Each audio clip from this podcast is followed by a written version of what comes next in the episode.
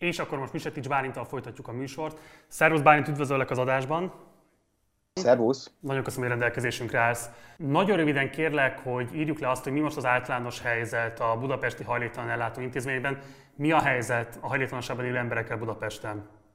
Érdemes szerintem azzal kezdeni, hogy egy, hogy egy, hogy egy kicsit átgondoljuk a, a térhez való hozzáférésnek, a térhez való jognak a, a kulcsfontosságú jelentőségét, általában az igazságosság, az egyenlőség, a, a, a, a jó élet lehetősége kapcsán, az, hogy, hogy, hogy van-e, van-e terünk az életünk az életünkhöz, hogy, hogy ahol, ahol együtt lehetünk valakivel, akivel szeretnénk, ahol nem kell együtt lenni valakivel, akivel nem szeretnénk, hogy gyerekként van-e, ha nem is egy külön szobánk, de legalább egy szabad vízszintes felület, ahol meg tudjuk írni a házi feladatunkat. Tehát az, hogy van-e terünk, az, az, az, az, az egyik legfontosabb kérdése annak, hogy hogyan tudjuk élni az életünket, hogy mennyire szabadon, mennyire egészségesen, mennyire boldogan.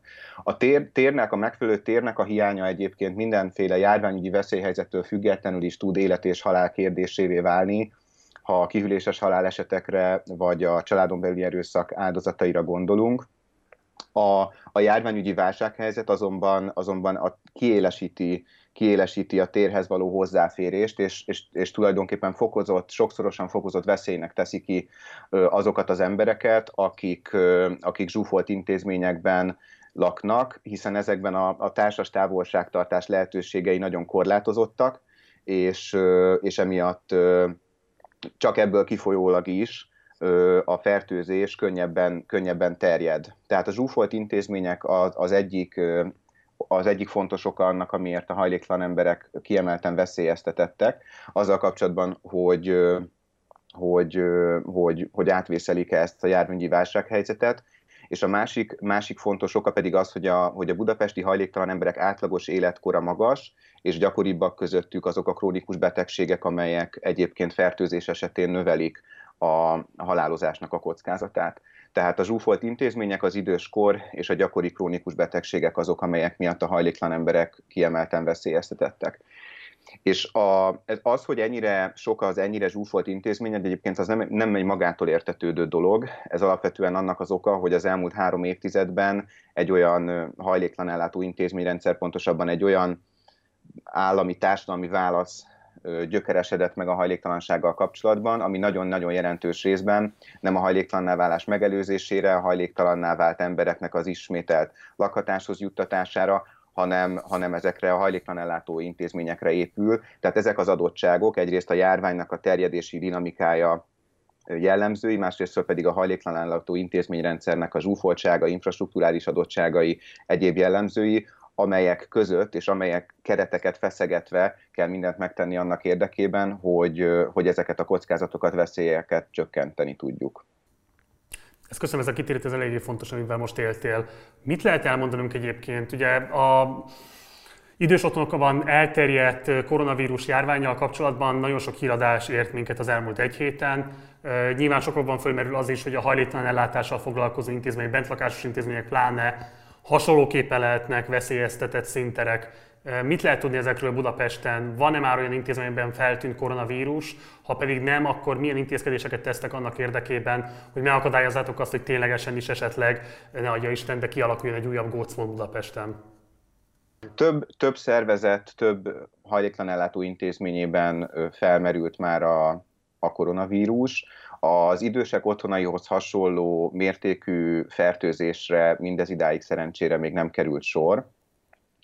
A, a, az első dolog, amit, amit a fővárosi önkormányzat egyébként a Menhely Alapítványjal és a főváros intézményével, a Budapesti Módszertani Szociális Központ és intézményeivel közösen csinált, az az, hogy kiadtunk egy nagyon részletes útmutatót, ajánlásokat a koronavírus járvány elleni védekezés hajléktalan ellátásban jelentkező lehetőségeiről és feladatairól, amiben igyekeztük összefoglalni az addig megjelent kormányzati útmutatásokat, hatósági előírásokat, a német, angol, francia, spanyol, német nyelven elérhető külföldi ajánlásokat, protokollokat, az intézmények, egyes intézmények által addigra bevezetett jó gyakorlatokat, illetve a Nemzeti Népegészségügyi Központ munkatársaival folytatott konzultáció eredményeit is, és ennek Mindezek eredőjeként írtunk egy, egy aránylag hosszú részletes anyagot arról, hogy, hogy az egyes ellátástípusokban mi mindent lehet, illetve kell megtenni a, a, a kockázatok, a veszélyek csökkentése érdekében.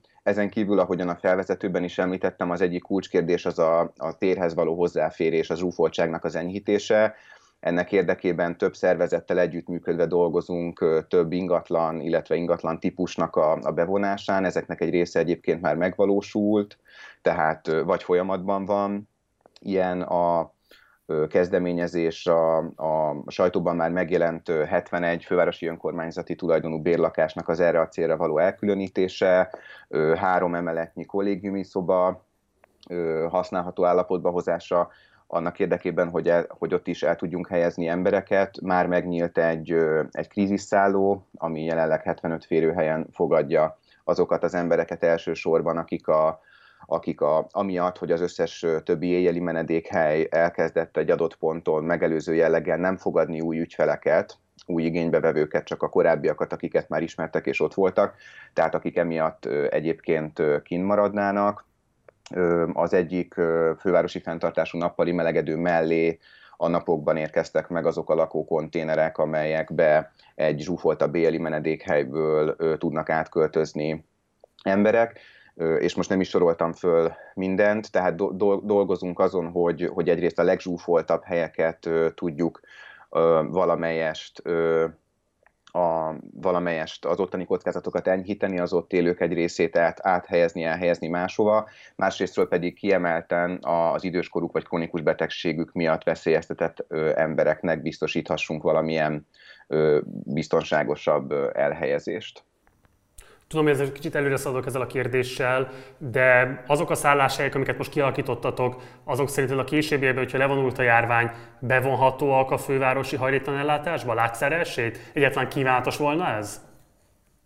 Egy, ez, ez szerintem szerintem helyfüggő egy, egy részüknél ez, ez indokolt lehet, egy másik részüknél nem. Nem ugyanazok az igényei egy, egy ilyen válsághelyzetnek, vagy válságkezelésnek, mint amiben jelenleg vagyunk, mint, mint ami egyébként kívánatos lenne ö, szociálpolitikai vagy lakáspolitikai szempontból helyes volna bevonni szállodai kapacitásokat például a hajléktalanságban élők elszállásolására. És engem nagyon meglepett egyébként, hogy nálunk a többség azt mondta, hogy nem, mert a magántulajdon szentség, és hogyha így konfiskálnak ezeket a szobákat a fővárosi önkormányzat részéről, akkor esetlegesen ez megnyithatná az utat a mondjuk lakossági bankszámlák beolvasztására az államkasszába. Mivel érvelnél ezeknek az embereknek, hogy miért volna szükség mégis arra, hogy ezeket a, ahogy te is mondtad, jelenleg üresen álló szállodai szobákat akár valami minimális költségtérítés ellenében, de mégiscsak alapvetően felajánlás alapon rendelkezésre bocsájtsák a most szükséget szenvedők elszállásolására. Itt azt hiszem, hogy, hogy az említett külföldi példákban sem az történt, hogy, hogy egy az egyben államosították volna bárki másnak a, a, a tulajdonát, hanem, hanem akár, akár bérbe vette az önkormányzat, akár valamilyen járványi intézkedés során átmenetileg használatba vonta. Én azt gondolom, hogy ez, ez amennyiben szükség van rá, és én azt gondolom, hogy, hogy szükség van rá, akkor, akkor ez, egy, ez egy, hogy mondjam, arányos, arányos intézkedés lehet ahhoz a veszélyhez képest, amit, ami, ami hasonló, hasonló intézkedések nélkül még inkább fenyegeti a legszegényebb budapestieket, de egyébként más, más városokban is, tehát a, a hajléktalanság az korán sem csak egy budapesti probléma, és Budapesten még valamelyest nagyobb is a mozgástér, amiatt, hogy a hajléktalanátó intézményi kapacitások nagyobb része van Budapesten egyébként, mint, mint a hajléktalan emberek mint, a, mint amilyen arányban a hajléktalan emberek Budapesten élnek, tehát hogy ez, ez nem csak egy budapesti probléma. Ráadásul annyival hadd kontrázzak rá arra, amit mondtál, hogy a magántulajdon úgynevezett szentségét azért a kormányzat sokkal méltatlanabb, vagy hát legalábbis kevésbé közérdekű célok érdekében jócskán megsértette már az elmúlt hetekben, itt meg mégis hogy te is mondtad, élet-halál kérdéséről lenne szó. Bálint, egy záró kérdés. Én ö, nem titok a nézőinknek, hogy mi elég jó barátság vagyunk és ismerlek téged közelről. Az elmúlt hetekben egészen elképesztő mennyiségű munkát kellett elvégeznetek részben azért, mert eleve kevesen vagytok rá, akik mondjuk ilyesmivel foglalkoznak, lakatási, illetve hajléktalanságügyi kérdésekkel a fővárosnál. és hát ugye nyilvánvalóan eleve az, hogy egy járványveszélyhelyzet van, ami extra megterhelés mindenkinek, az nálatok aztán sokszorosan csapódik le. Mik a legfontosabb kihívások, amelyekkel most meg kell küzdenetek? Mi az, amiben azt érzed, hogyha több együttműködés lenne a kormányzat részéről, hogyha több felajánlás érkezne esetleg tehetős, a top 100-ba tartozó magyar gazdagember részéről, vállalatok részéről, nemzetközi szervezetek részéről, akkor mi az, amivel te élnél feléjük, hogy mire lenne most a legnagyobb szükség annak érdekében, hogy részben a hajléktalan ellátásban mutatkozó nehézségeket kezelni tudjátok, másrésztről pedig, hogy a most frissen lakhatásukat vesztőket szintén valamilyen módon meg tudja segíteni a főváros. Én azt gondolom, hogy, a, hogy, hogy, hogy terekre továbbra is szükség van, és, a, és az említett szállodai kapacitások nem feltétlenül, sőt, ideális esetben nem is hatósági előírás nyomán egyébként, hanem valamilyen, valamilyen mindenfél számára elfogadható együttműködés keretei között való használatba vonása az, az fontos volna. A, én azt gondolom, hogy önkormányzati bérlakásokat sokkal nagyobb számban kellene egyébként mind a hajléktalan emberek védelme, mint pedig a hajléktalan ellátásban dolgozó munkatársak védelme és a, és a velük együtt lakó esetleg veszélyeztetett családtagok, hozzátartozók védelme érdekében bevonni, de ugyanez igaz az összes szociális bentlakásos intézményre és egyébként az egészségügyi dolgozókra is, ezzel összefüggésben szerintem fontos, hogy, a, hogy, hogy kevés, noha kevés az önkormányzati bérlakás Budapesten, ezen lakásoknak a mintegy 97%-a egyébként nem a fővárosi önkormányzat, hanem a kerületi önkormányzatok tulajdonában van, tehát fontos volna, hogy a kerületi önkormányzatok részéről is legyen ö, hasonló kezdeményezés, ami akár közvetlenül a veszélyeztetett ö, rétegek, akár a velük dolgozók, és ennek ö, kapcsán szintén veszélyeztetett ö, munkatársak védelme érdekében biztosít ilyen lakásokat. Fontos volna, hogy a központi kormányzat nagyon-nagyon-nagyon-nagyon jelentősen növelje a tesztelési kapacitásokat, és, és a megnövelt kap, tesztelési kapacitások kapcsán elsőbséget más, más indokolt esetek mellett elsőbséget biztosítson a, a bentlakásos intézményekben élő emberek számára, illetve a, a velük dolgozók számára mert hogy egyébként nagyon sok minden, amit a hajléktalan ellátásról elmondtam, vagy amit egyébként az idősek otthonai esetében már, már korábban olvashattunk gyakran a sajtóban, az más bentlakásos intézményekre is igaz. Úgyhogy, úgyhogy alapvetően terekre és, és tesztelésre van szükség, és sok helyütt én azt gondolom a szociális ágazatban a megfelelő védőfelszereléssel való ellátottságot is, is indokolt volna javítani. Úgyhogy ez, ez volna a fontos, meg, meg az, hogy, hogy, hogy igyekezzünk együttérzőek és szolidárisak maradni, és miközben ez az a fura helyzet, amikor nem az a legjobb, hogyha nem félünk, mert hogy, mert hogy, hogy indokolt egy csomó minden olyan dologtól tulajdonképpen tartanunk, ami egyébként korábban a válsághely, járványi válsághelyzet előtt a mindennapjaink megszokott és szeretett része volt, tulajdonképpen egymástól is tartunk, ezért kell távolságot tartanunk, hogy, hogy, hogy, hogy mindeközben azért, azért ne, ne, hogy mondjam, ne essünk át a ló túloldalára, és, és, és, és, és igyekezzünk már fölülni azoknak a, azoknak a hangulatkeltéseknek vagy uszításoknak, amelyek, amelyek a hajléktalan emberekből csinálnának mint általában ebben az esetben is bűnbakot. És amit, amit még így zárásként mondtam, hogy, hogy sokat beszéltünk arról, hogy a már hajléktalan emberek védelme érdekében mire van szükség, de hasonlóan fontos a hajléktalan válás megelőzése, és ezzel kapcsolatban történtek fontos előremutató központi kormányzati lépések, például az általános lakáskürítési moratórium, ez azonban egyrészt nem vonatkozik a munkásszállókban élőkre, másrészt pedig elvben vonatkozik, hangsúlyozom, vonatkozik a magánbérleti szektorra, de ott jelentős központi kormányzati beavatkozásra volna szükség annak érdekében, hogy ne csak elvben vonatkozzon, hanem ténylegesen a gyakorlatban is megvédje a magánbéleti szektor bérlőit a kilakoltatástól.